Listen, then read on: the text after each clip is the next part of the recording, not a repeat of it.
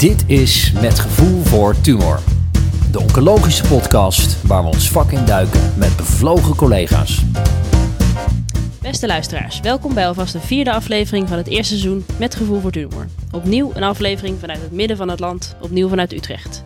Wij zijn Lieke Razenberg en Anne Joy de Graan, beide internist-oncologen in opleiding in het UMC Utrecht.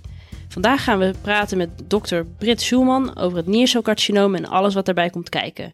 Ze is internist-oncoloog in het UMC Utrecht en heeft als aandachtsgebied niercelcarcinoom en het blaascarcinoom. En daarnaast is Britt dit jaar recent, op 29 maart, gepromoveerd op borstkanker in de zwangerschap.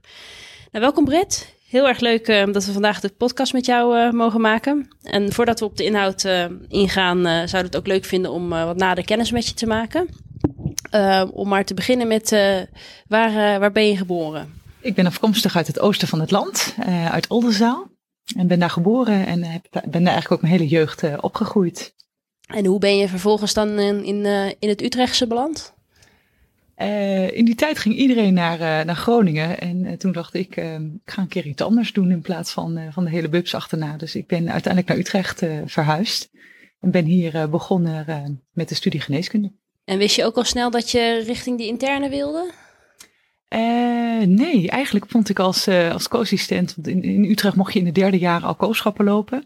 Vond ik eigenlijk alles wel interessant. Ik vond chirurgie leuk, vond neurologie leuk. Ehm, ik vond de interne zeker ook leuk, maar ik kon op dat moment nog niet helemaal een keuze maken welke kant ik graag op wilde. Dus dat heeft wel een tijdje geduurd.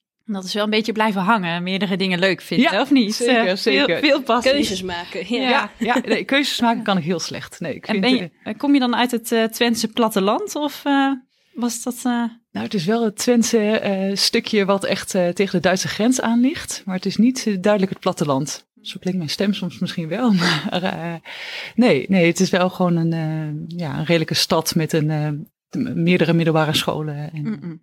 En heb je eigenlijk Duitse wortels met je achternaam? Nee, dat wordt wel gedacht, maar in principe komt de familie allemaal uit Drenthe. Okay. Ja. Interessant. Um, zoals we al eerder vertelde, ben je dit jaar gepromoveerd. En als onderwerp iets heel anders dan waar we vandaag over praten: borstkanker in de zwangerschap. Um, ook een superleuk onderwerp waar we rustig ook een heel uur over zouden kunnen praten. Maar dat gaan we niet doen vandaag. Wat ik me wel afvroeg, nou ja, promoveren als medisch specialist uh, lijkt me best een uitdaging. Want promoveren aan zich is al een, uh, een heftig traject. Um, maar naast die baan als medisch specialist, uh, nou, dat lijkt me best, best intens. Hoe is dat voor jou geweest? Dat is het zeker geweest, maar het is ook wel heel uitdagend en uh, prettig geweest.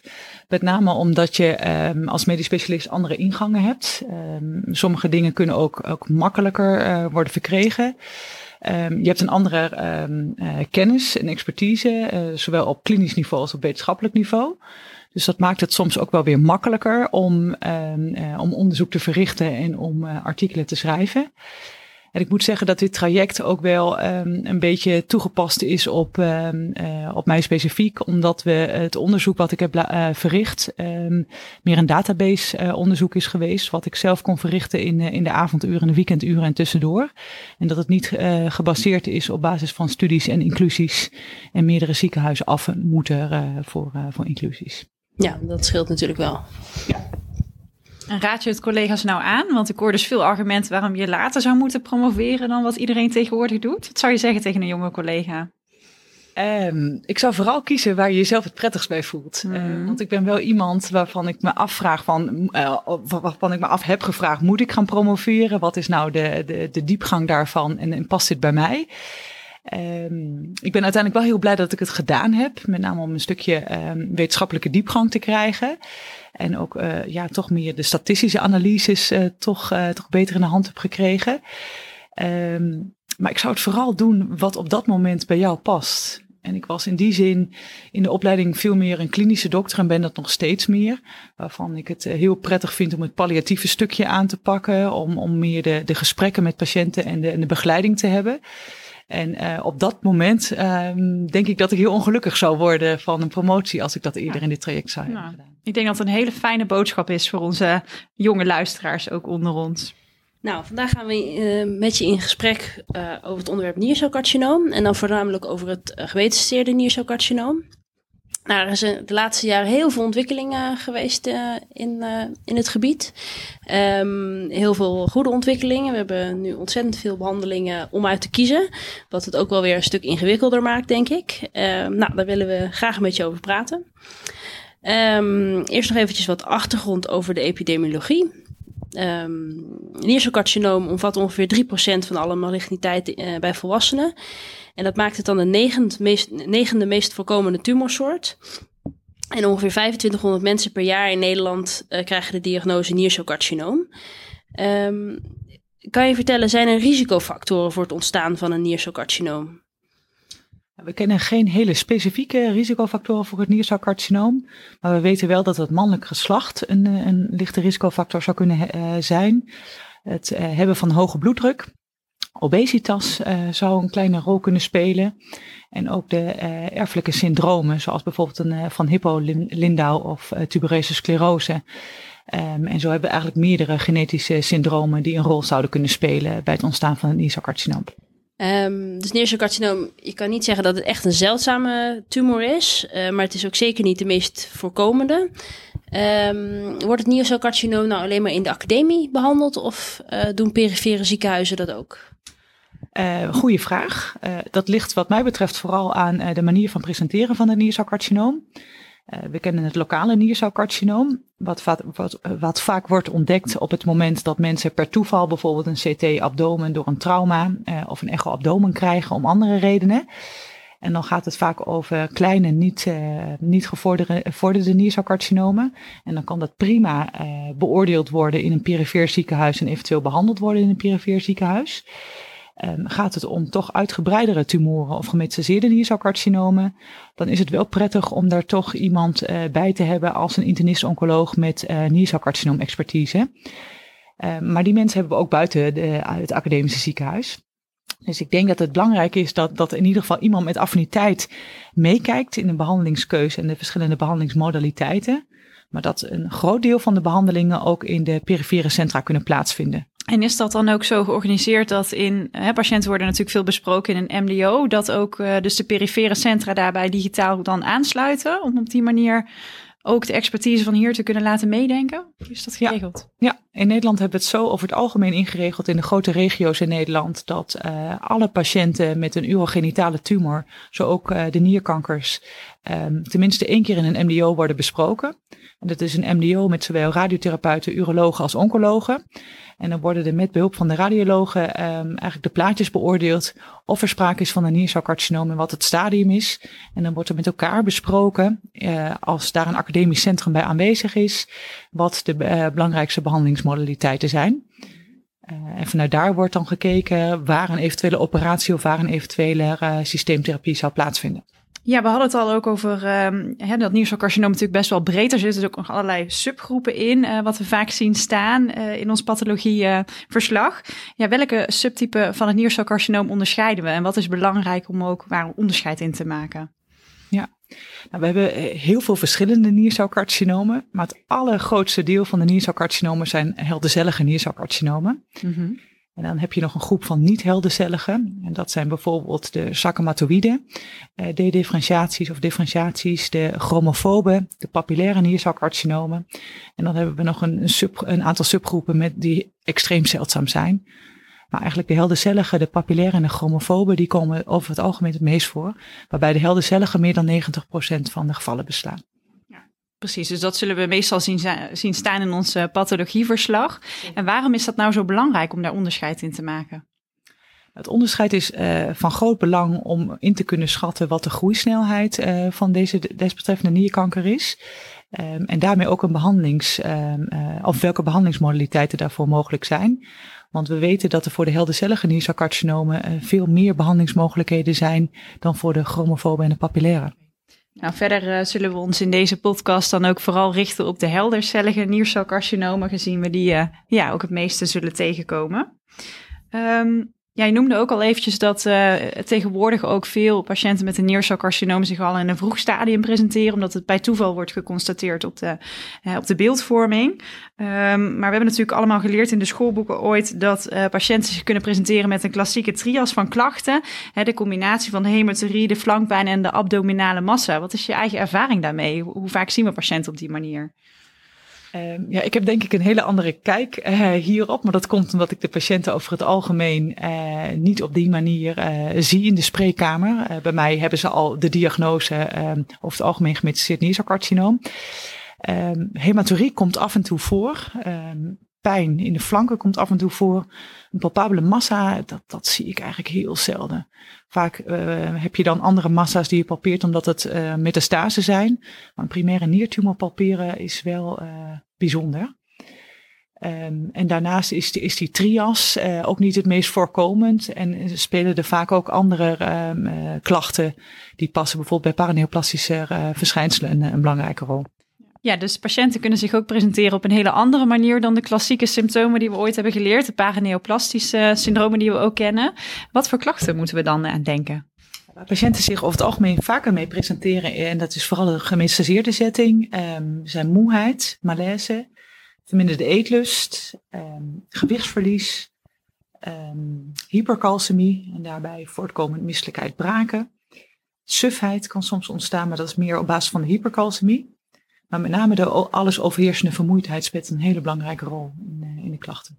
Ja. ja, dus ook echt inderdaad de B-symptomen waar we, waar we op moeten letten en bedacht op kunnen zijn. Ja, en daar is koorts en bijvoorbeeld nachtzweet ook een, hele belangrijke, een heel belangrijk symptoom bij. Ja, ja, precies. En dan zie je ook vaak um, als je behandelt dat de klachten dan weer verdwijnen. Of ook als kenmerk van paraneoplastische klachten dat ze juist blijven bestaan ook als je de ziekte behandelt. Als de ziekte op de juiste manier behandeld wordt en, en het respondeert, dan zie je dat uh, alle klachten vaak uh, duidelijk afnemen. Ja. ja, dus dan heb je ook weer iets waar je goed op kan varen om te zien of het goed blijft gaan ook. Uh, waar je zeker. op kan letten qua soort klachten. Ja, zeker.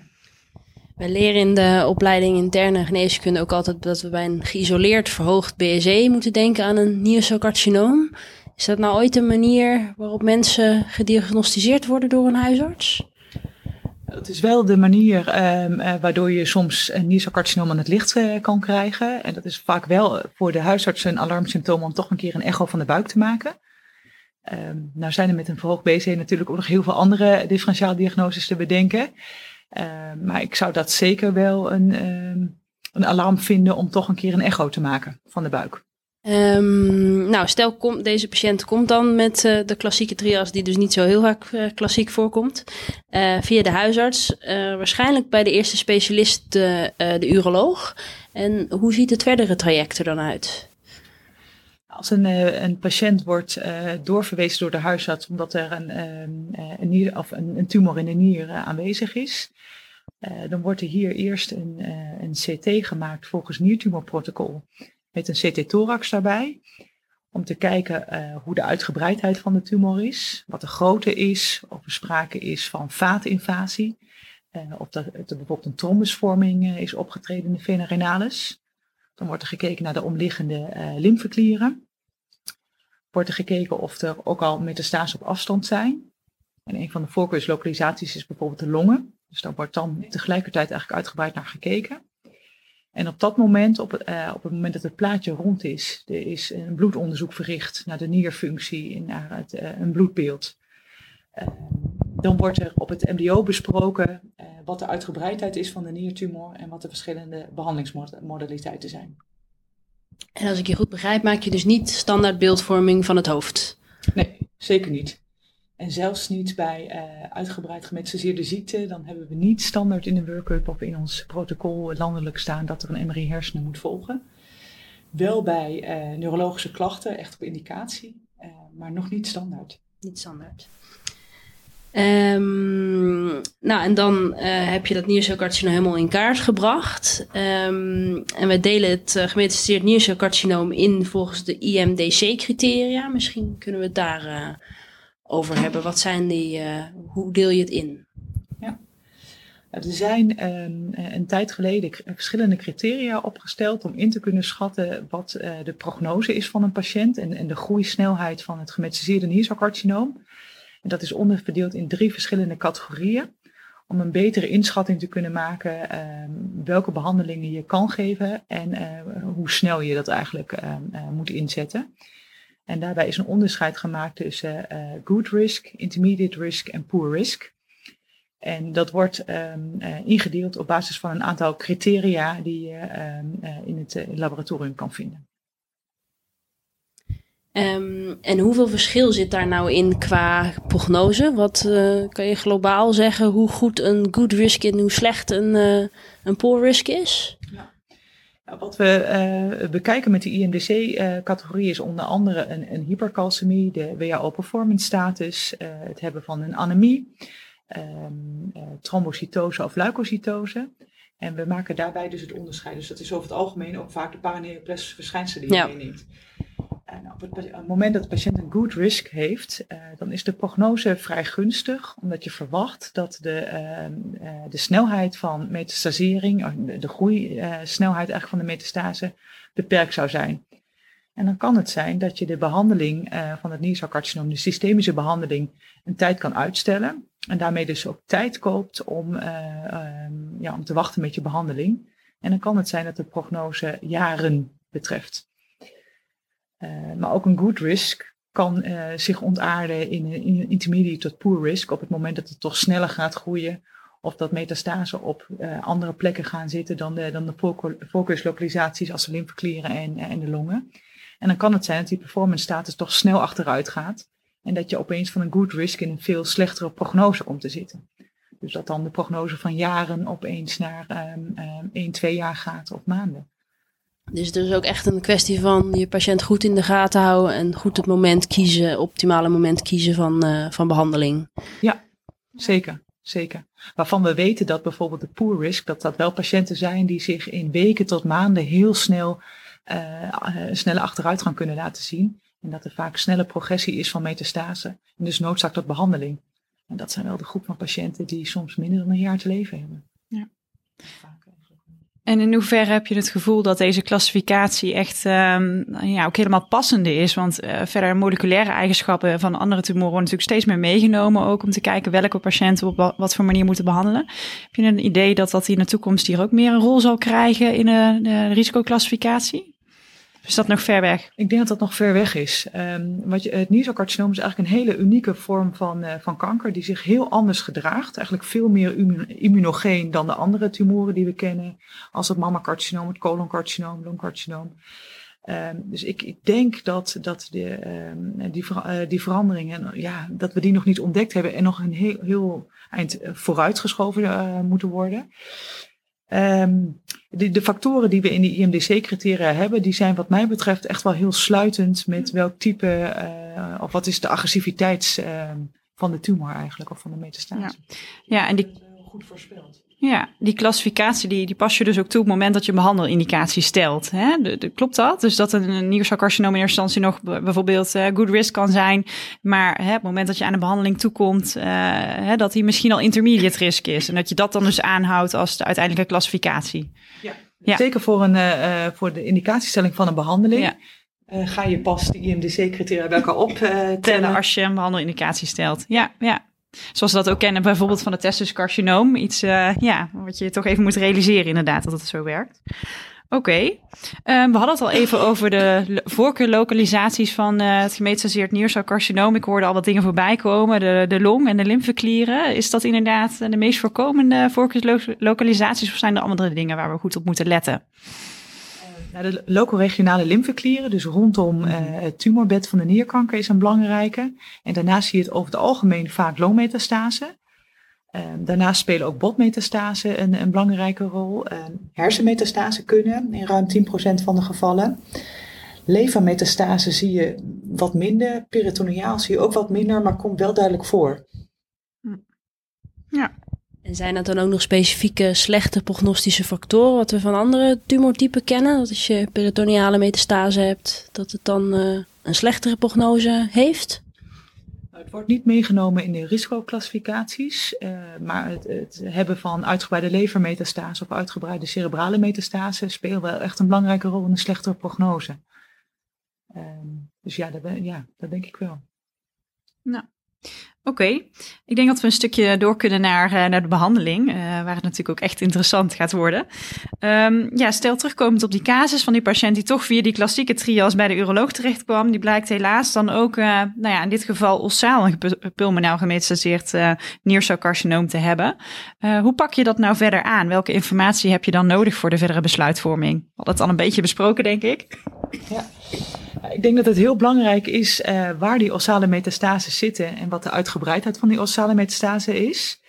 Uh, wat we helaas vaker zien binnen het niercelcarcinoom is dat er hele uitgebreide wervelkolommetastasen kunnen bestaan.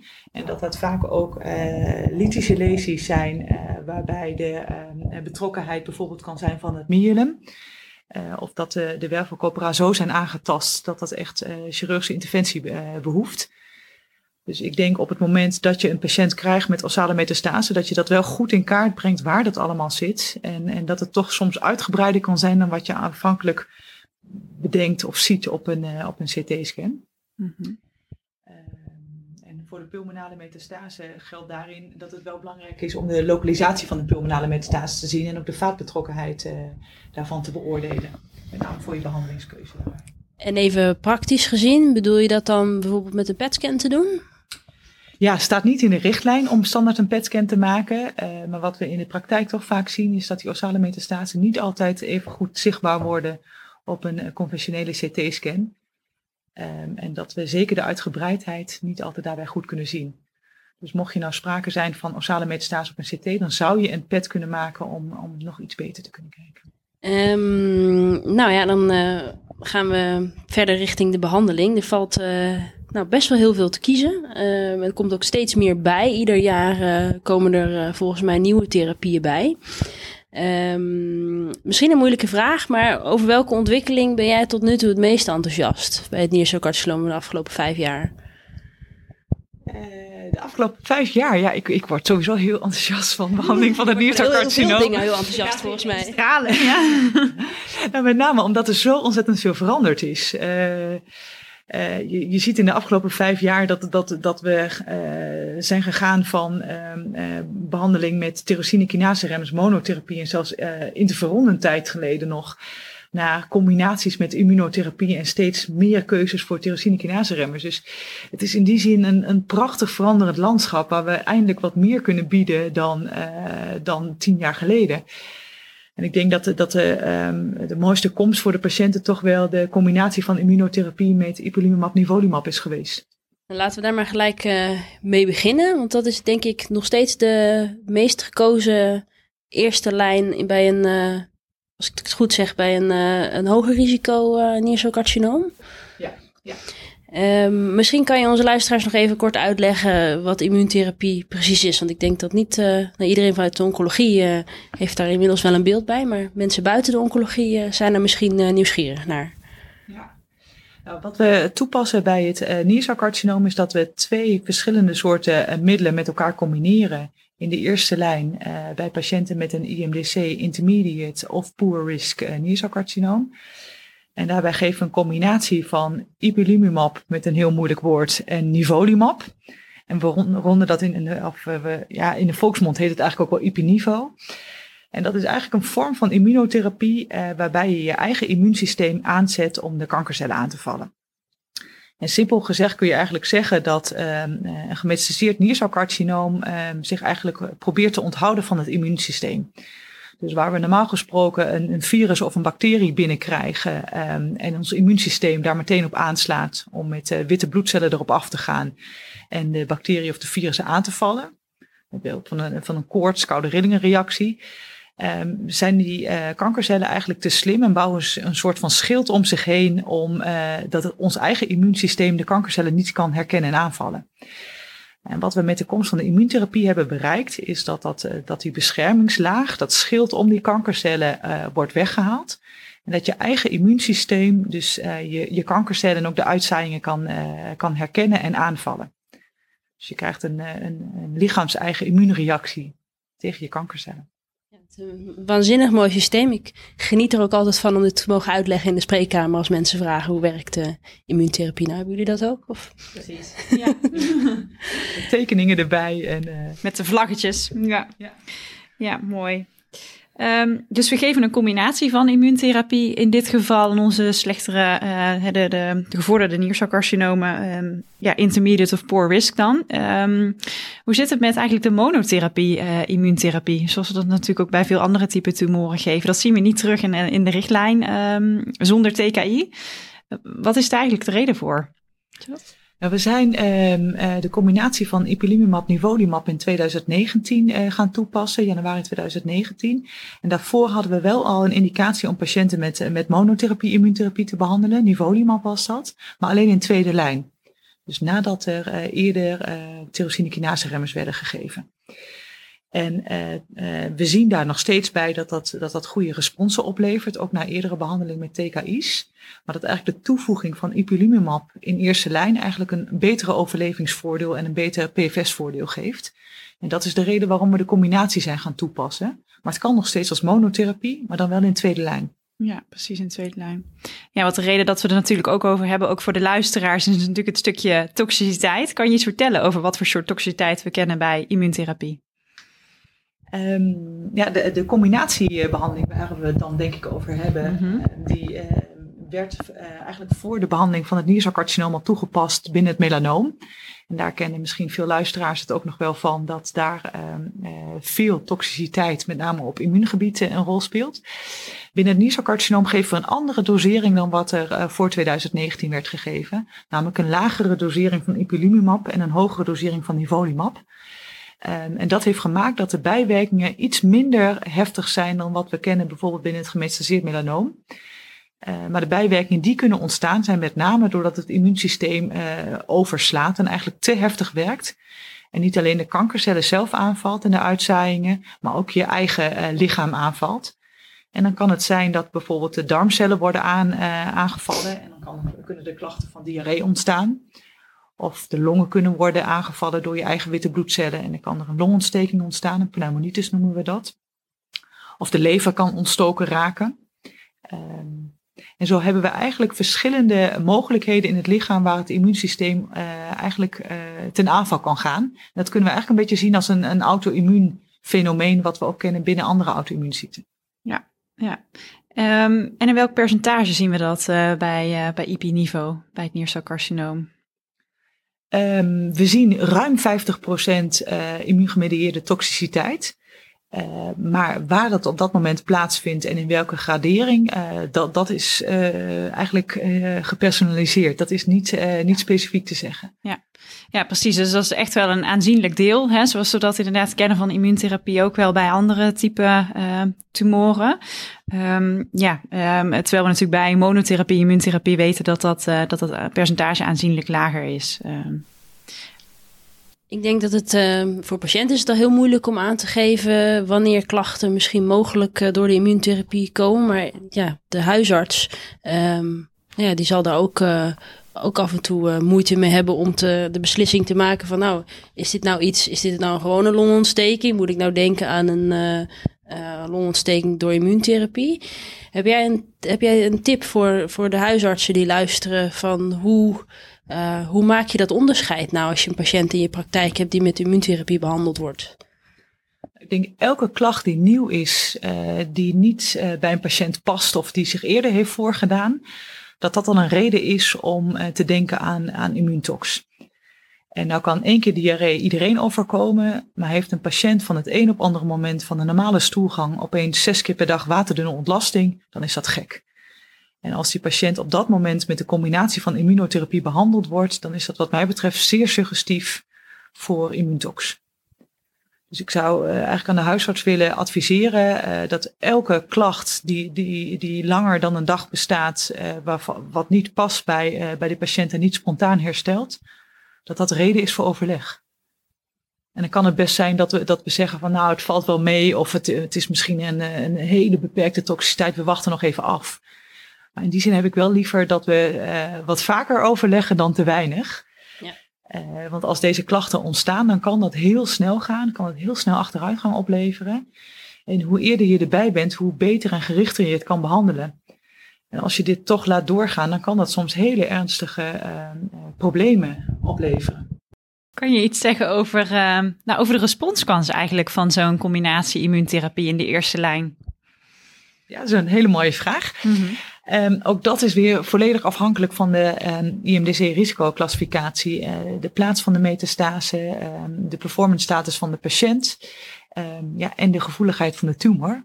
Dat kunnen we niet van tevoren voorspellen welke patiënten nou wel goed reageren op immunotherapie en welke patiënten niet.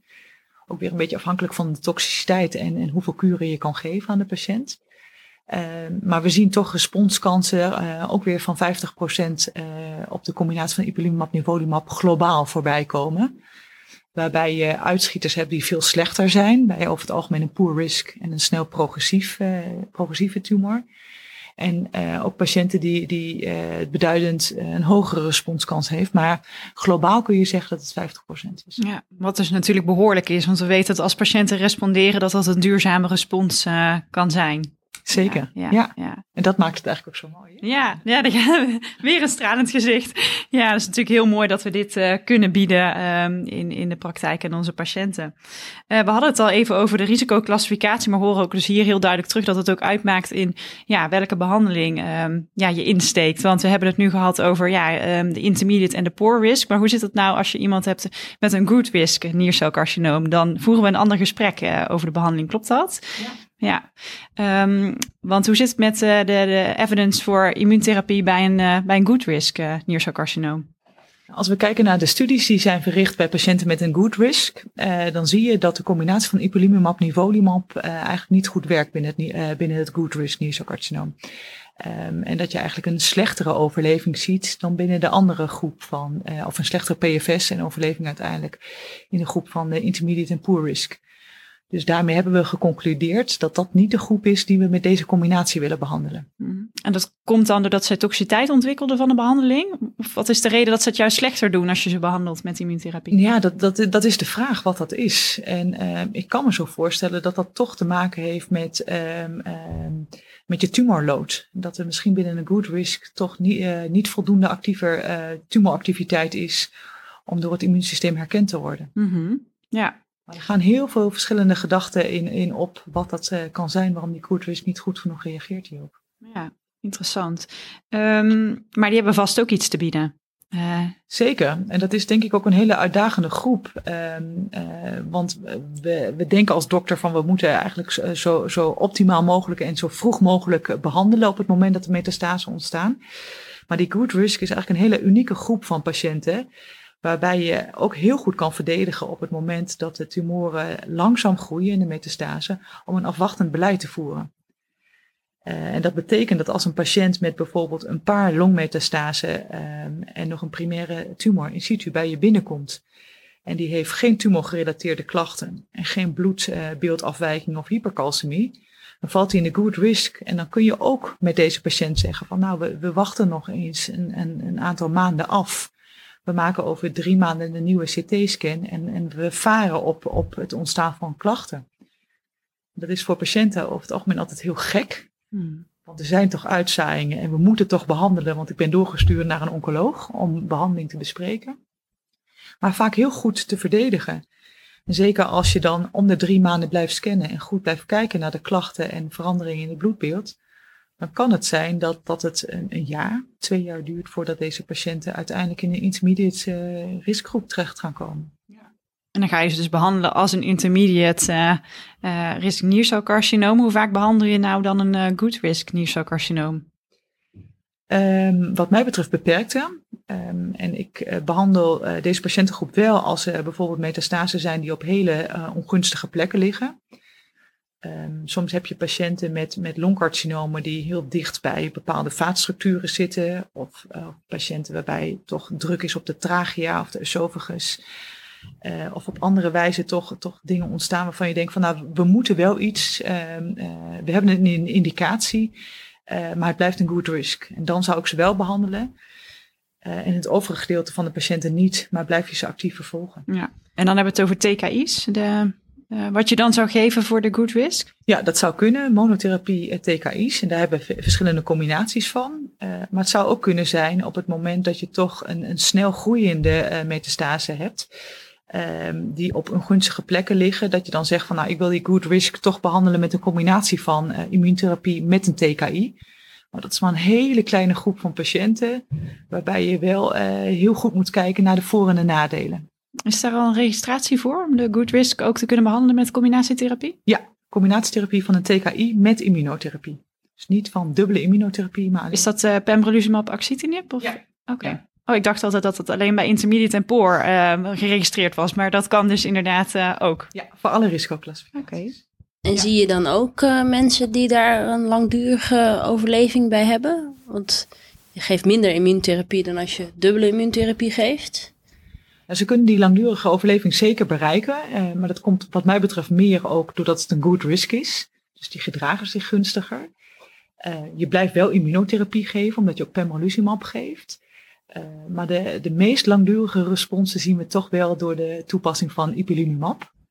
Um, maar de, de, de, staart van de curve en de, de, de langere respons zie je ook binnen deze groep wel voorbij komen. Ja, maar nou is het wel zo dat deze um, combinatie nog maar heel recent wordt toegepast. Hè? Dus ja. cijfers zijn gebaseerd op, uh, op maximaal vijf jaar uit, uh, uit klinische trials. En uit klinische ervaring hier is dat nog vele malen minder. Dat is natuurlijk ook heel goed om ons te blijven realiseren hoe vers dit allemaal is. En als je het nou al bij de good risk um, immuuntherapie met een TKI inzet, um, wat doe je dan als je progressie hebt? Ga je dan nog over naar dubbele immuuntherapie of heb je al je kruid verschoten? Het zou heel fijn zijn als we op een moment nog ipilimumab uh, zouden kunnen geven. Dus eigenlijk de, dat is eigenlijk de vorm van immunotherapie met de, uh, die de meest langdurige respons oplevert. En die je maar vier keer intraveneus hoeft te geven. maar helaas is dat niet toegestaan. En de studies daarvan zijn ook nog niet volledig afgerond. Dus helaas kunnen we op dit moment, en dat is ook wereldwijd nog steeds, ipilimumab alleen in eerste lijnsbehandeling geven en niet in latere instantie. Er lopen op dit moment wel studies toch voor uh, om ipilimumab in uh, tweede, derde lijn uh, in te zetten. Maar helaas nog niet dus buiten studieverband. Dus daarmee moet je echt al vanaf het begin af aan de keuze maken. Geef je een TKI met immunotherapie of geef je dubbele immunotherapie? En dat is dan ook hetgene wat je maximaal kan geven aan immunotherapie. Ja, ja dat is goed dus om, om daar een goede afweging bij start gelijk te maken.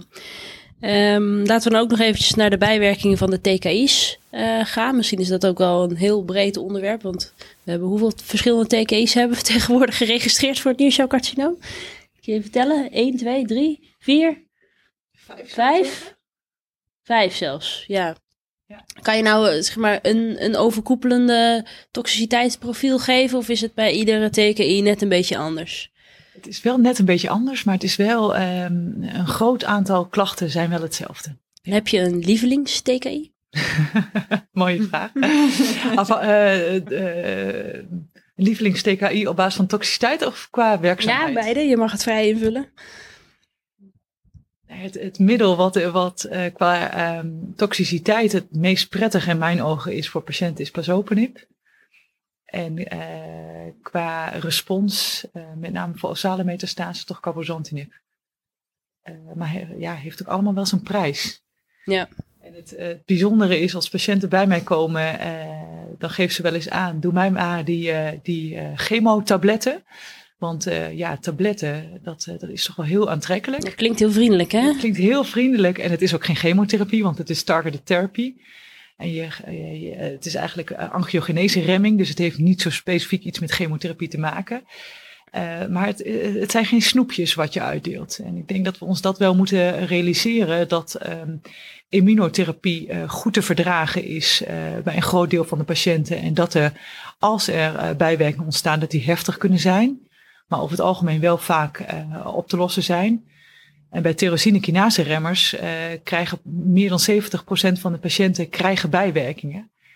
En dat zijn vaak uh, misselijkheid, braken, verminderde eetlust, diarree, um, huiduitslag, een beetje hand-voetsyndroom, beenmerg, depressie, hypertensie is een hele belangrijke.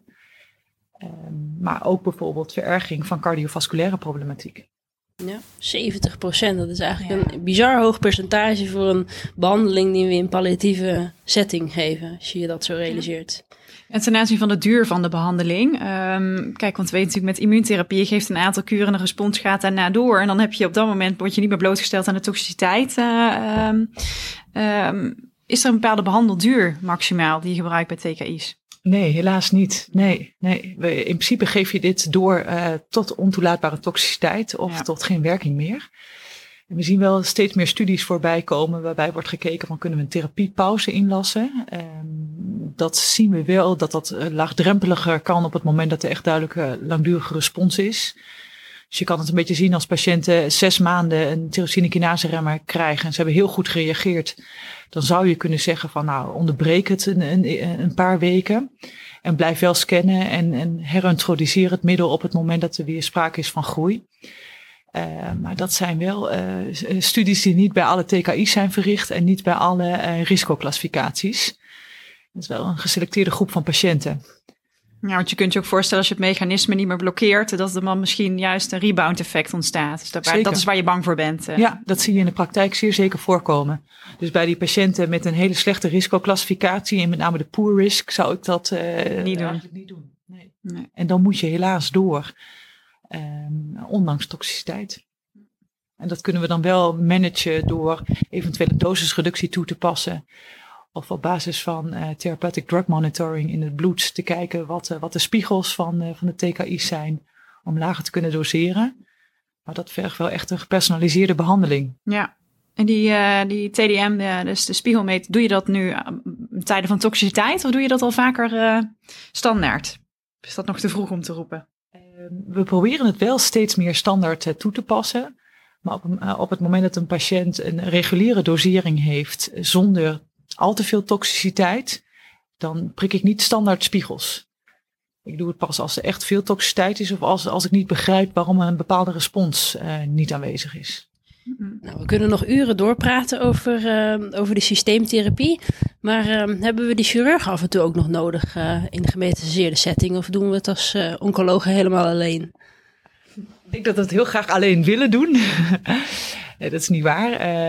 Ik, uh, we hebben elkaar nodig binnen het team. En ik denk dat we uh, niet alleen de urologen nodig hebben, maar ook de radiotherapeuten en, en soms ook de orthopeden bij uitgebreide ossale metastase. En dat we met elkaar als team die patiënt moeten, moeten behandelen.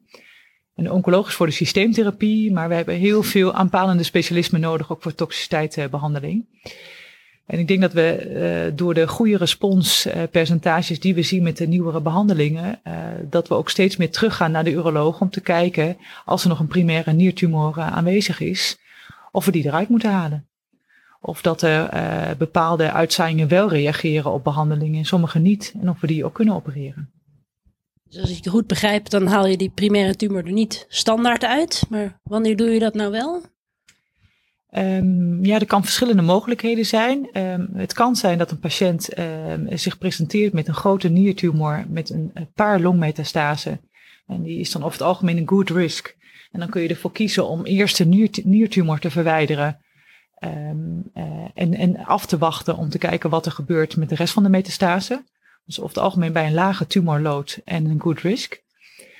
Um, heb je nou patiënten die uh, meer metastase hebben, dan ga je over het algemeen uh, systemisch behandelen.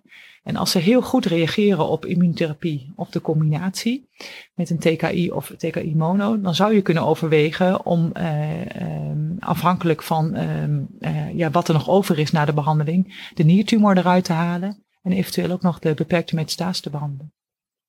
Een bijzonder aan een niercelcarcinoom is ook wel eens dat je ziet als je de nefrectomie hebt gedaan, dat er ook nog een respons kan zijn verder op de, op de ziekte. Hè? Klopt dat? Dat uh, dus cytoreductieve nefrectomie ook een tumorrespons uh, kan, kan induceren? Ja, ja, er zijn verschillende trials uh, over verschenen. En um, believers en non-believers eigenlijk. Mm -hmm. is een beetje een, um, een wisselwerking daartussen. Maar het kan heel goed zijn dat als je inderdaad die sproeibron eruit haalt, dat het ja, toch winst oplevert. Ja. ja, er zijn ook trials die dat tegenspreken. Ja. Heb je zelf ervaring daarin? Uh, ik heb toevallig zelf een patiënt behandeld waarbij, waarbij ik dit fenomeen wel, wel zie. Um, ehm, NSE natuurlijk. Wat is je eigen ervaring uh, daarmee? Um, ja, ik, ik zie toch wel vaak, uh, als de metastase beperkt zijn, dat als je de tumor eruit haalt, dat het heel langzaam, of dat stabiliseert, of dat de groei heel langzaam gaat. Ja. ja, dan weet je natuurlijk niet wat de beloop was geweest als je dat niet had gedaan. Precies. Ja. ja, maar ik deel je ervaringen niet. Ja, ja. En wat uh, verwacht je nou? Uh, gaan de komende vijf jaar even turbulent zijn in niercelcarcinoomland als de afgelopen vijf jaar? Of uh, gaan we nu in rustiger vaarwater komen? Het kan bijna niet turbulenter zijn als ik het nu zie wat er allemaal van combinaties op de markt zijn gekomen. Um, ik denk dat er een hele belangrijke rol uh, komt voor de HIF-2-alpha-remmers. Ehm, we hebben nu een middel in studieverband en dat heet belzutifan. En dat is een middel die eigenlijk op een hele andere manier aangrijpt in de celcyclus als, uh, als de angiogenese-remmers, de TKI's. En ik denk dat daar wel een belangrijke rol uh, voor komt. Uh, en daarnaast denk en hoop ik dat, uh, dat toch de ipilimumab in latere lijnen een belangrijke rol gaat spelen. Quick 4. Um, dan gaan we over naar de Quick 4. De Quick 4 zijn vier vragen die over jou gaan waar je niet te lang over na moet denken. Wat is je grote passie buiten het ziekenhuis? Sporten. Heb je er nog tijd voor? Daar maken we tijd voor. Soms moet het hoofd leeg. En wat vind je dan leuk om te doen? Uh, ik hou heel erg van hardlopen, wielrennen, mountainbiken, skiën. Als uh, leuk, wel op vakantie. leuk, leuk, leuk. Ja. En je kan nu mooi fietsen in het Utrechtse, toch? Uh, zeker, ja. zeker. Ja. ja, en ook in het gooi. Ja. En wat zou je doen als je geen medisch oncoloog zou zijn geworden? Um, ja, dat is een lastige vraag. Ik zit even, even na te denken. Um, misschien toch wel neuroloog. Ja. En als je nou geen dokter was geworden? Advocaat. Advocaat, oké. Okay. Um, Het was vrij duidelijk volgens mij dat je dokter wilde worden, of niet? Uh, ja, zeker. Ja, zeker. Die, die, weg is al wel uh, voor mijn vierde uh, levensjaar. Uh, voor het vierde levensjaar. vierde, wauw, oké. Okay. Ik heb altijd bij de oogarts gelopen, dus ik mocht al vroeg naar het ziekenhuis. oh ja? Dus ja. ik vond de sfeer altijd zo prachtig. ja, dat dat eigenlijk een beetje erin is geslopen. En als je nu terugkijkend, um, wat zou je jezelf als tip geven bij start van je opleiding? Um, ja, ik denk, de, ik denk, ik moet even over nadenken. Um, de opties allemaal open houden met een open vizier eigenlijk je opleiding ingaan en um, uh, eigenlijk overal een kijkje nemen binnen elke afdeling uh, waar jij je thuis voelt. Ik denk dat, dat de keuze om internist te worden uh, met name is gebaseerd op, op de collega's en op de plek hoe je, daar, hoe je daarbij voelt. En vaak zie je toch wel binnen de verschillende specialismen dat het allemaal bepaalde types zijn. En, en daarbij zie je vaak wie bij je past en wie niet. En uh, ja, ik denk door, door dat vizier open te houden, dat je niet meteen een keuze maakt, maar uh, uh, het eerst laat afhangen van, van alle afdelingen waar je geweest bent.